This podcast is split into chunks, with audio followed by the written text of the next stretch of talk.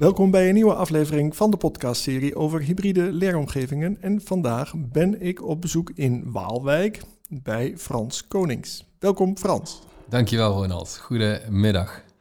En uh, Frans, voor de luisteraar die jou niet kent, kun je vertellen wie jij bent, maar ook uh, iets over jouw bedrijf en waarom je dan in Waalwijk bent gevestigd.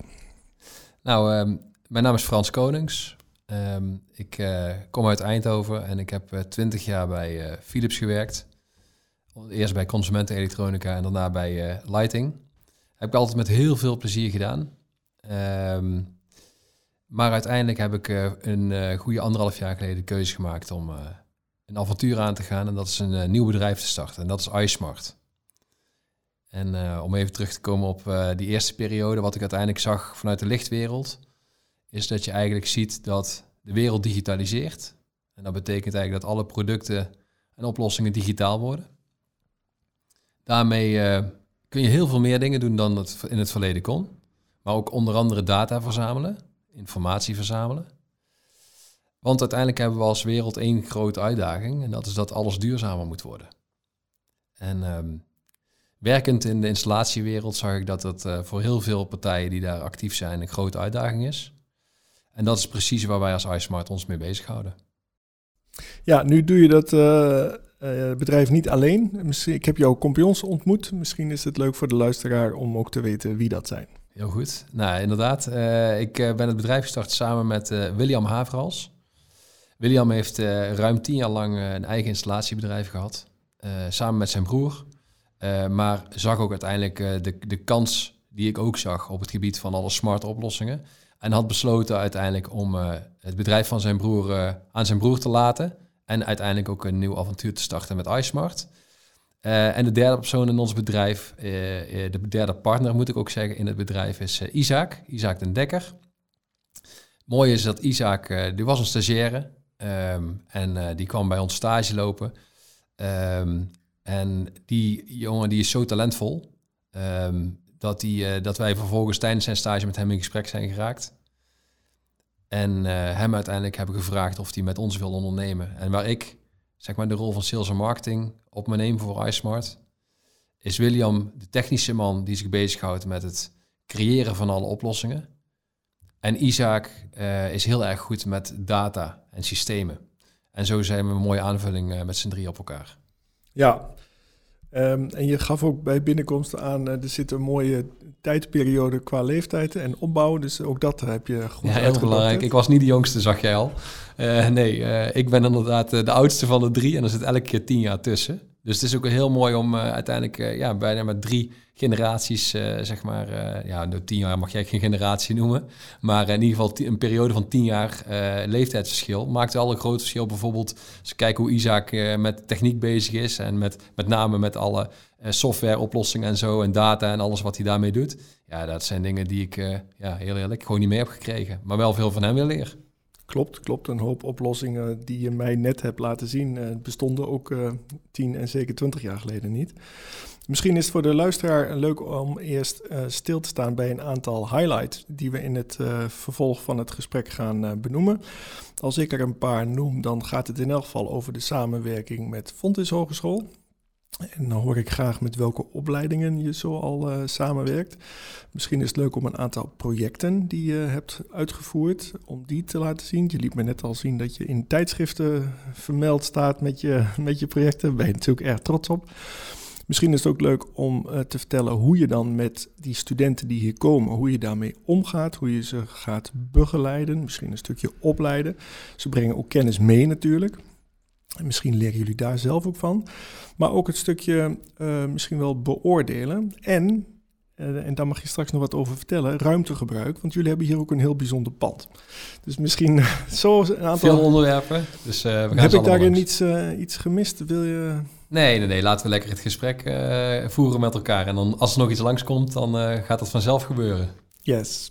Want misschien is het aardig dan om even stil te staan bij het pand. Als je hier aan de buitenkant uh, langs loopt, dan uh, valt het niet op dat het hier binnenin heel uh, hip en happening is. Kun je daar eens wat over vertellen? Nou, dat was een van de dingen waarvan ik mezelf altijd voorgenomen had. Van als ik dan iets voor mezelf ga starten, dan moet het in ieder geval in een omgeving zijn die inspirerend is en niet standaard.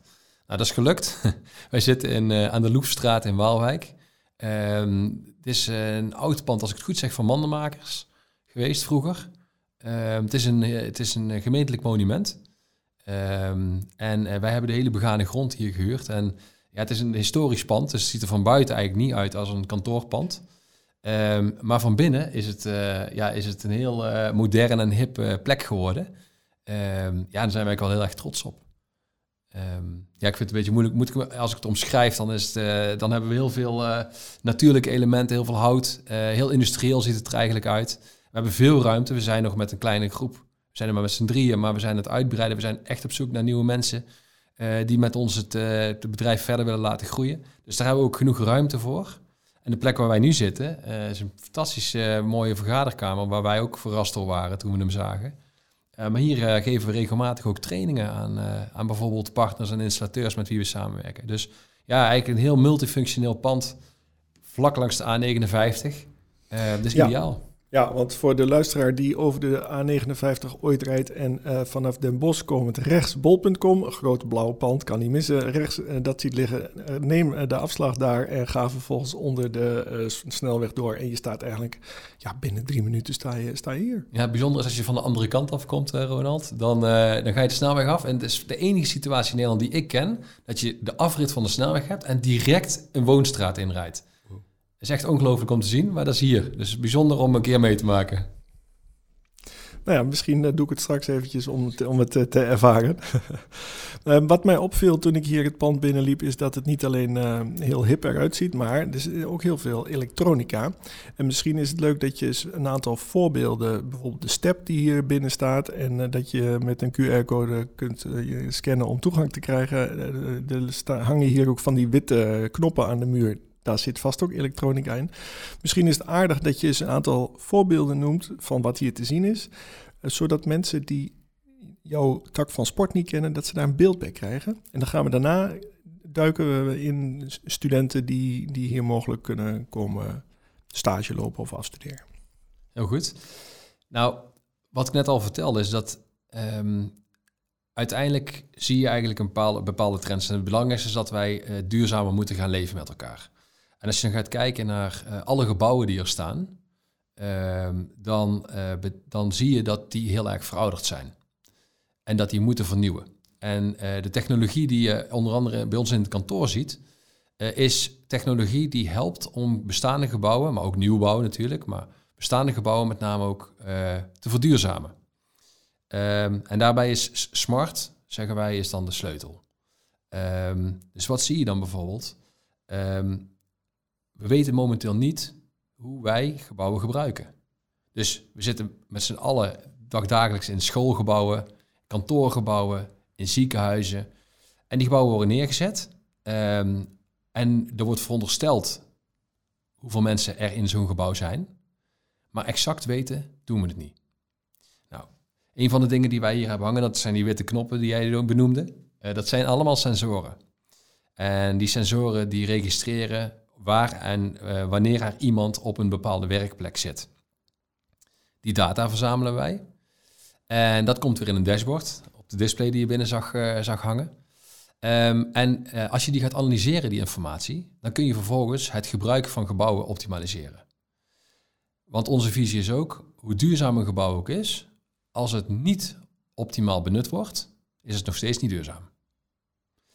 Nou, en als je dan die kennis hebt Ehm, dan is het interessant om te zeggen, bijvoorbeeld, uh, weet je dat er op een bepaalde dag in de week in een gebouw uh, minder mensen aanwezig zijn, structureel. Dus dat een, bijvoorbeeld een vrijdag is zo'n dag dat iedereen heel graag thuis werkt. Uh, stel er even voor dat je dan weet dat structureel op vrijdag jouw gebouw maar voor de helft bezet is. Wat je nu ziet, is dat mensen vaak dan hun gebouwinstallaties, en dan heb ik het over verwarming, verlichting, alarmsystemen, noem maar op, die, die werken gewoon 100% voor het hele gebouw, want we weten het eigenlijk niet. Nou, wat wij nou zeggen, als je dan de kennis hebt over hoe het gebouw gebruikt wordt, ga dan ook vervolgens de lichtinstallaties aansturen. Ga dan ook je verwarming aansturen. En ga daarmee uiteindelijk een besparing realiseren. En dat is wat je hier ook terug ziet komen in ons gebouw, of in, ons kantoorpand. Uh, heel de verlichtingsinstallatie is slim. Verwarming, wij kijken heel duidelijk naar de zonuren, want dan gebruiken wij de airco om ons, om ons kantoor te verwarmen in plaats van gas, wat momenteel natuurlijk ook een hot topic is. en zo proberen wij ook wat wij doen, hè, practice what you preach. Je moet laten zien en je moet zelf ervaren om het uiteindelijk te laten zien. Ja, nu, nu zijn wij gekoppeld aan elkaar via een collega van mij. Want jij werkt samen met Fontis Hogeschool in een hybride leeromgeving. Um, misschien kun je eens in eigen woorden vertellen hoe jij die samenwerking in de afgelopen jaren of in de afgelopen tijd voor je hebt gezien. Um, en, en, en ook misschien iets over hoe je dat zou willen veranderen of verbeteren. Zomaar wat losse gedachten. Ja, nou ja, we zijn inderdaad met, eh, met name Fonte Stilburg uh, hebben wij samengewerkt de afgelopen periode. Eigenlijk vanaf het eerste moment dat wij gestart zijn als bedrijf. Omdat wij vinden dat scholieren, dat zijn de talenten, die, die, daar moet je eigenlijk continu mee werken. Want daar kun je inderdaad, wat ik net al gaf, we hebben met drie generaties in ons bedrijf. Maar met scholieren leren we nog steeds heel veel, ook van de scholieren zelf. Dat is één. En twee is, maatschappelijk kun je als bedrijf ook zoiets teruggeven op het moment dat je samenwerkt met scholen. Um, dus wat we in eerste instantie gedaan hebben, is we hebben een aantal studenten gevraagd om voor ons een uh, customer journey te creëren van uh, een van de oplossingen die wij, die wij in de markt zetten. Um, en het is heel erg leuk, wat je zag, is, dat waren, dat, in dat geval waren er drie dames die commerciële economie opleiding zitten van de Fontis. En um, het leuke was om te zien dat zij ook heel graag hier kwamen, maar ook op locatie werkten. En dat is misschien ook wel hetgeen waar je als onderwijs uiteindelijk ook een uitdaging hebt. Uh, het traditioneel naar school gaan, dat is op de het hogere onderwijs sowieso al minder. Maar op het MBO zie je dat nog heel, heel erg structureel. Um, ja, door, door alles wat er verandert, is het de vraag of je altijd maar op school moet zijn. Uh, of maar dat je ook op andere locaties kunt werken. Nou, dat is wat wij bij hun wel terugzagen, is dat zij het heel erg leuk vonden om hier te komen. Zeker omdat het samenwerken altijd beter gaat door als je fysiek bij elkaar bent. En dat was net na COVID, dus dan weet je wel dat iedereen heel graag weer wilde. Ehm, maar dat het ook heel fijn is om af en toe wel uh, om de snelheid te bewaken, om even kort met elkaar te schakelen. En die combinatie, zeg maar, met die, met die, uh, met die dames met wie we toen samengewerkt hebben, was echt top. Uh, daarna hebben we nog twee, twee heren gehad die in iets la latere fase van de opleiding, in de derdejaars waren dat, Um, en die zijn bezig geweest met, het, met, een, met een marktonderzoek voor een nieuwe propositie die wij in de markt aan het zetten zijn. En dat was ook super waardevol. En zij kwamen hier ook wekelijks zitten. We hebben hier, wat je zag, voldoende ruimte. Maar ook zij werkten vanuit huis. En zo was het een mooie combinatie. En voor ons is dat ook een beetje, de hybride leeromgeving is um, op locatie werken op een school. is werken in een kantooromgeving van een stageplek, maar is ook thuiswerken. Maar uiteindelijk is er één centraal punt en dat is uiteindelijk wel de school en de verbindende factor die je bij elkaar brengt. Ja, nu kan ik me voorstellen dat je ook wel op zoek bent naar studenten die een IT- of ICT-achtergrond uh, hebben, gelet op het feit dat je veel met data werkt. Klopt dat? Ja, klopt zeker. Um, het, ik vind het altijd lastig om helemaal precies te vatten wie we nou zoeken. Uh, er is bijvoorbeeld in Utrecht uh, op de hogeschool heeft een heeft een minor domotica. Ehm, die is best wel interessant. We zijn ook in contact met de Hogeschool Utrecht overigens daarover. Um, maar als ik bijvoorbeeld kijk naar Isaac, wat ik net al aangaf, een van onze, de, de stagiaire die uiteindelijk partner is geworden, wat natuurlijk een fantastisch mooi verhaal is. En zo zitten we als organisatie er ook in. Talent moet je ook deelgenoot maken van je avontuur. Hij heeft een bedrijfskunde achtergrond, um, maar was wel altijd bezig met programmeren. Dus toen hij hier kwam en wij de vraag stelden, wat weet je daarvan? Vertelde ja, nee, thuis ben ik eh, bezig altijd met smart oplossingen, met U eh, bijvoorbeeld, uh, met lichtoplossingen, alarm.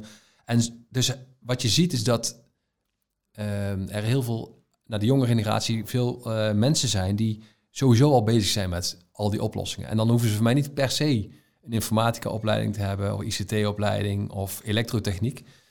Want ik heb altijd wel het idee dat, wij hebben eigenlijk altijd allemaal het idee dat mensen dat wel kunnen leren.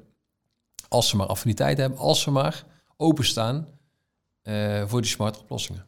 Aha, daarom zou je dus met je commerciële economie en affiniteit met IT, zou je toch hier uh, goed, nou ja, een opdracht kunnen doen of eventueel op termijn zelfs kunnen gaan werken. 100 procent. Ja. Oké. Ik vind het leuk dat je noemt dat je met Hogeschool Utrecht uh, contacten hebt. Um, heb je ook contacten met het MBO? Je noemde net al uh, hoe MBO-scholen, vooral schoolse werken.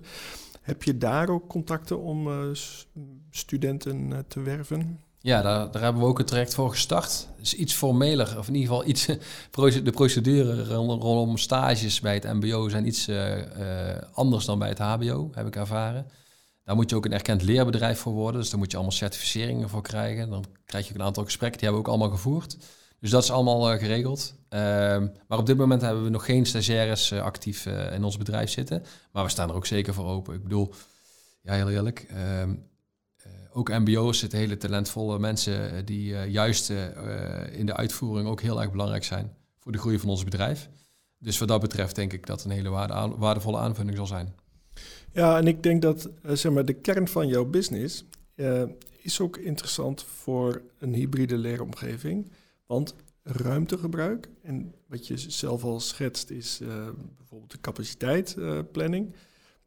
dat stukje ruimtegebruik, dat heeft een, apart, onze aparte aandacht. Jacob Sutmeller is mijn collega die zich daar één dag per week mee bezighoudt. En hij heeft ook een aantal um, aspecten uh, gedefinieerd, die ook te vinden zijn op uh, uit mijn hoofd uh, fontes.nl hybride leeromgevingen. En um, dan gaat het om aspecten als werken, wat jij al aangaf, werken zowel op school als ook hier en thuis. Maar ook hoe zit het dan met de bereikbaarheid en de beschikbaarheid. En zo heeft hij zeven stappen heeft hij in een model gevat en ehm, voor de luisteraar die daarin geïnteresseerd is, verwijs ik voor nu eventjes uh, naar onze landingspagina daarover. Want ik wil graag uh, stilstaan bij, bij jou en uh, hoe jij je bedrijf verder vormgeeft en, en hoe scholen daarin ehm, ja, een, een, rol blijven spelen. Hoe zie jij de eerstvolgende stap voor je? Uiteindelijk zie ik de eerste stap voor me dat je um, als school inzicht krijgt in het werkelijk gebruik van jouw gebouwen. Um, wat je denk ik heel veel bij scholen ziet, en ik weet het uit ervaring uh, vanuit mijn vor vorige werkgever nog, bij Philips, um, uh, is dat, dat je um, dat binnen schoolgebouwen heb je allerlei verschillende ruimtes. Um, en dan is het de uitdaging om de juiste uh, hoeveelheid mensen in de juiste ruimtes te krijgen. En wat je heel veel ziet, is dat er, wat ik, de uitdaging die ik vaak bij scholen zag, is, ja, ze hebben best wel wat ruimte, maar er zijn altijd eigenlijk klachten over uh, dat er toch te weinig ruimte is. In werkelijkheid, in eh, werkelijkheid is er voldoende. Wat je vaak zag, is dat er bijvoorbeeld een kleine groep, een kleine, een kleine groep mensen, een kleine klas, bij wijze van spreken tien leerlingen, zitten in een ruimte waar wel 30 leerlingen uh, kunnen zitten. Terwijl die 30 leerlingen uiteindelijk in een ruimte zitten die veel te klein is. Nou, en wat, wat je dan krijgt, is dan gaan mensen daarover klagen. Uh, die gaan zeggen, ja, maar uh, de, die man die, die, 30, die 30 leerlingen in een kleine ruimte zit, die gaat zeggen, ja, maar zo werkt het niet. Dit kan niet. Terwijl je als facility manager dan gaat zeggen, ja, maar er is wel voldoende ruimte, maar dan moeten we dan gaan ruilen. Wat je ziet, is er is geen inzicht. Um, er wordt een planning gemaakt. Um, en ik bedoel dan eigenlijk, er is geen inzicht van het werkelijk gebruik. Dat is de basis. Weten hoe ruimtes werkelijk gebruikt worden, gaat je uiteindelijk helpen om het te optimaliseren. En daar begin je bij. En dan moet je sensoren gaan plaatsen. Of je moet in ieder geval iets gaan doen. Ja, nu liet je me net het voorbeeld zien van een lichtinstallatie die je op een school had uh, geïmplementeerd. Is, is dat ook iets, uh, een belangrijk aandachtspunt? Uh, zeker. Um, wat je uiteindelijk ziet is dat verlichting een bijdrage levert aan hoe wij ons voelen.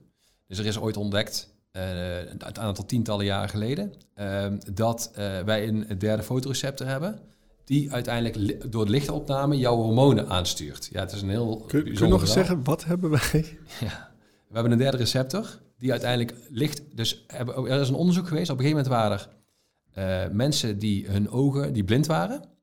En er is een groot verschil, was er op een gegeven moment, met het dag- en nachtritme van mensen die blind waren geworden en maar die hun, werkelijk hun ogen kwijt waren en mensen die nog wel hun ogen hadden. Want wat kwamen ze, waar kwamen ze achter? De mensen die hun ogen nog wel hadden, maar blind waren, die hadden gewoon een normaal dag- en nachtritme. Mensen die dat niet hadden, die kregen een verstoord dag- en nachtritme.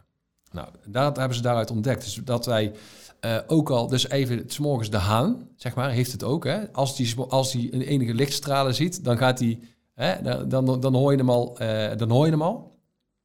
Uh, hetzelfde geldt voor ons. In de zomerdag, op het moment dat het licht is, dan merk je ongemerkt al dat jij wakker wordt. Dat zijn jouw hormonen. Jouw cortisol en jouw melatonine, dat wordt beïnvloed door licht.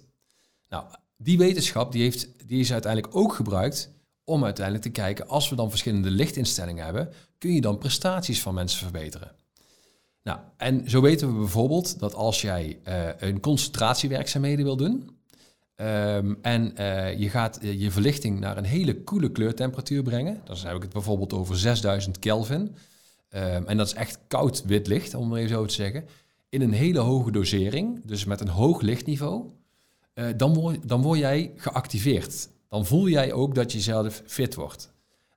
Om een, zeg maar een ander voorbeeld te geven. Als jij op de bank zit, gezellig te borrelen met vrienden.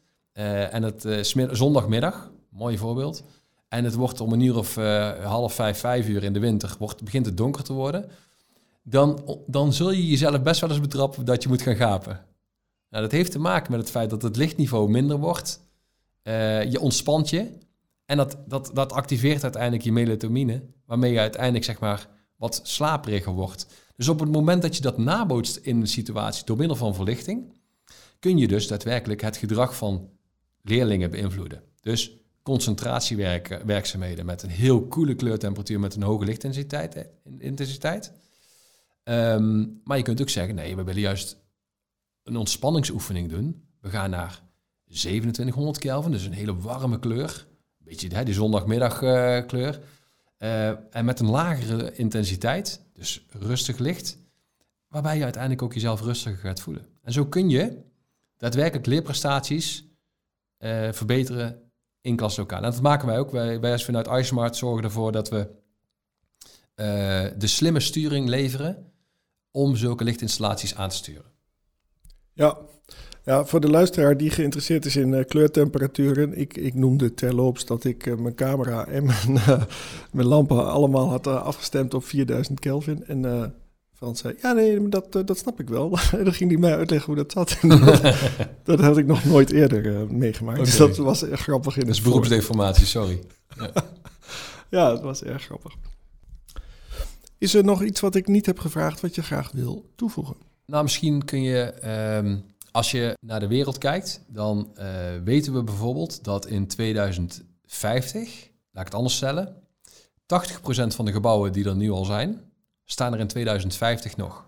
Uh, dus dat betekent dat we een enorme uitdaging hebben um, in het optimaliseren van die gebouwde omgeving.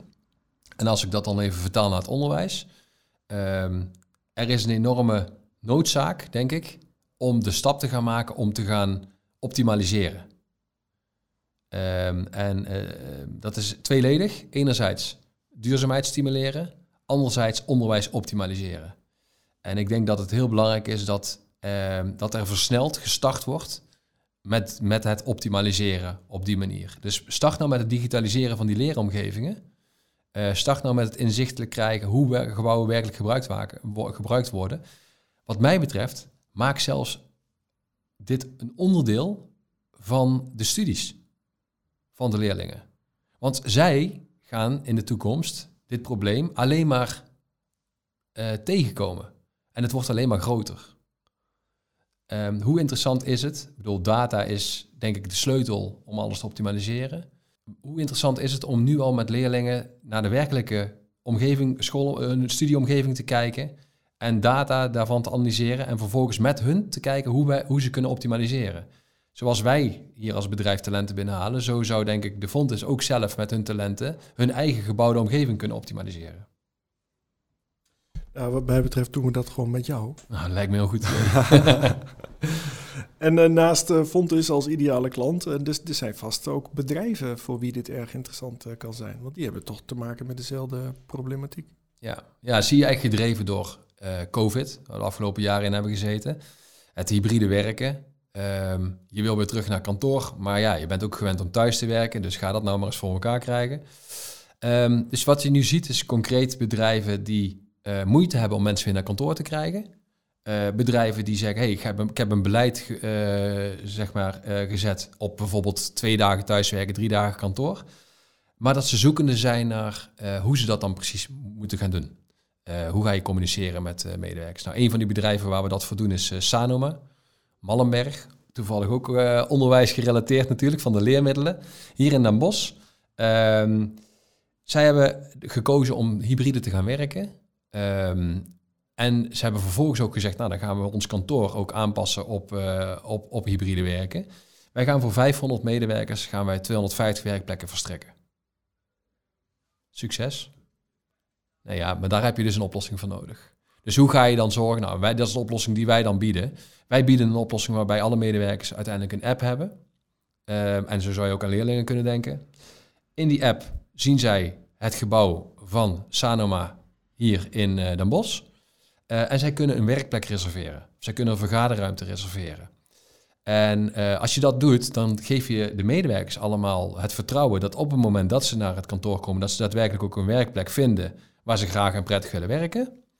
En anderzijds geef je de, de Mallenberg als organisatie, Sanoma, het inzicht in het werkelijk gebruik van het gebouw. En als er knelpunten zijn, dan passen we her en der een ruimte aan op basis van de data die we verzameld hebben.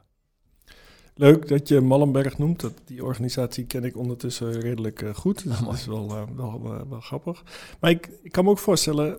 Ik wilde eigenlijk nog een voorbeeld noemen van instellingen die graag gebruik maken van data. En dat zijn schoonmaakorganisaties. Want ik weet van een bedrijf dat heet VBGO. En ook schoon, die maken onder andere op vliegvelden schoon.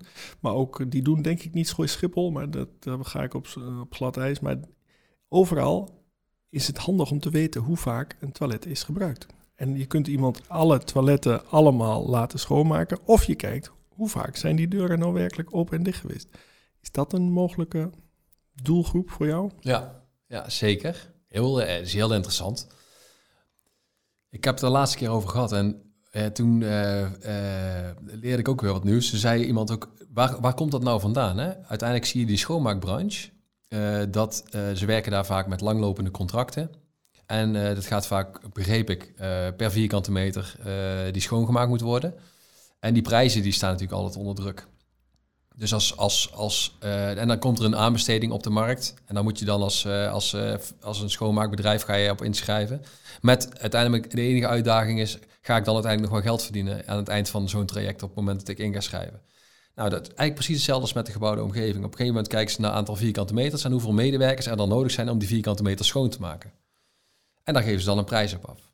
Maar als je vervolgens gaat meten, inderdaad, precies wat jij zegt, hoe ruimtes gebruikt zijn, en dan niet jouw uh, capaciteit van jouw bedrijf gaat instellen op het aantal vierkante meters wat je onder beheer hebt, maar op basis van de data die je verzameld hebt over het werkelijk gebruik van die ruimtes, dan kun je bijvoorbeeld, stel even, je hebt eigenlijk 10 medewerkers nodig op basis van de vierkante meters.